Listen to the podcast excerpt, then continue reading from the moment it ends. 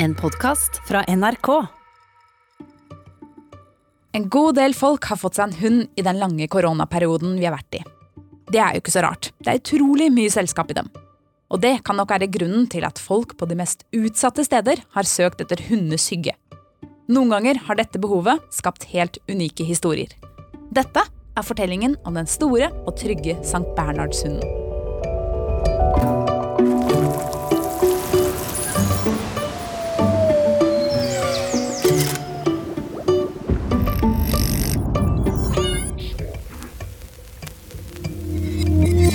Hei og hjertelig velkommen til en ny episode av Smartere på ti minutter, der jeg, Selda, forteller deg om fakta, vitenskap og historie som gjør deg nettopp det, litt smartere, innen ti minutter.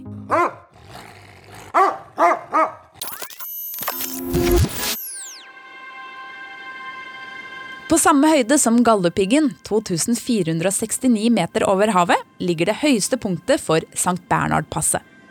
En fjellovergang som allerede i romertida var en av de viktigste passasjene i Alpene.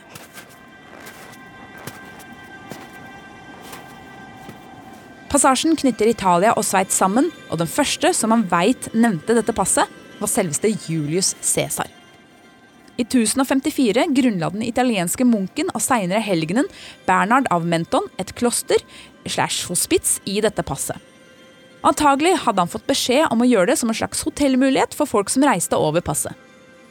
Forresten så finnes hospitset den dag i dag, så det er mulig å få faktisk se stedet. Klosteret var også hjemmet til en del munker som hadde hunder. Hundene var etterkommerne av noen mastifflignende asiatiske bikkjer som romerne hadde tatt med seg hjem fra diverse tokter.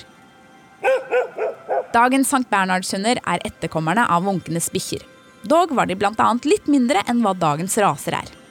Og dette er lenge siden. Vi snakker 1660-tallet.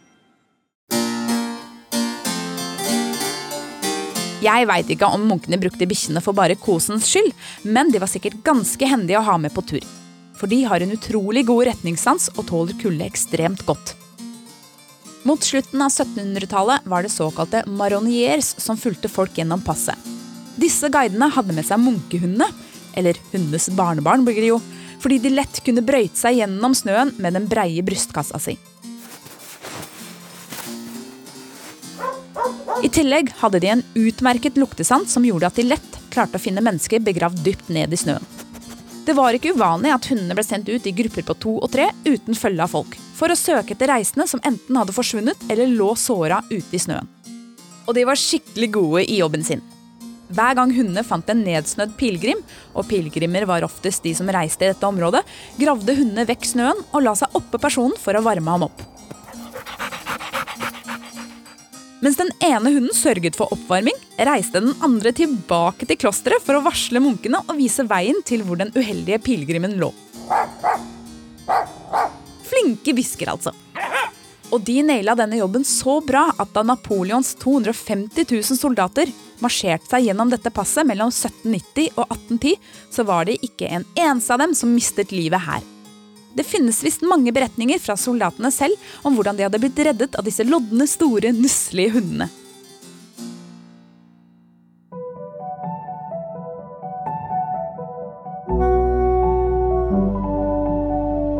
Det er mange som forbinder St. Bernharden med en liten tønne med whisky rundt halsen. Men det har de aldri hatt! I hvert fall ikke da de reddet folk i Alpene. Dette er en myte som oppsto da en av favorittkunstnerne til dronning Victoria malte et bilde. Sir Edwin Landseer var kjent for å være god i å male de vakreste bilder av landskap og dyr.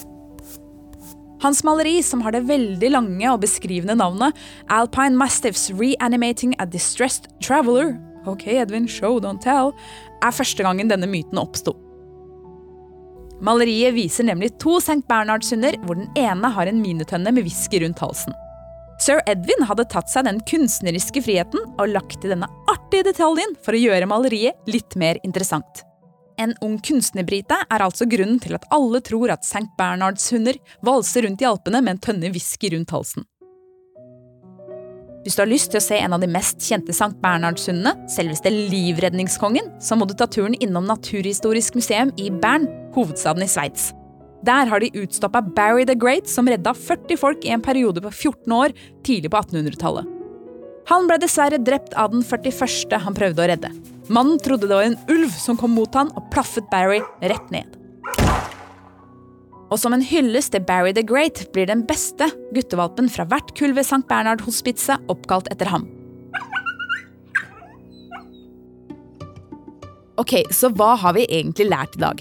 Jo, at St. Bernhardshunder har redda enormt mange liv i Alpene, men ikke ved å skjenke folk med whisky fra en tønne rundt halsen. Det er så koselig å se for seg en haug med lodne, store, nusselige barrier tusle rundt høyt oppe i Alpene. Og hadde jeg ikke vært så allergisk, så hadde jeg adoptert en liten Barry selv. Tusen takk for at du hører på. Vi høres neste gang.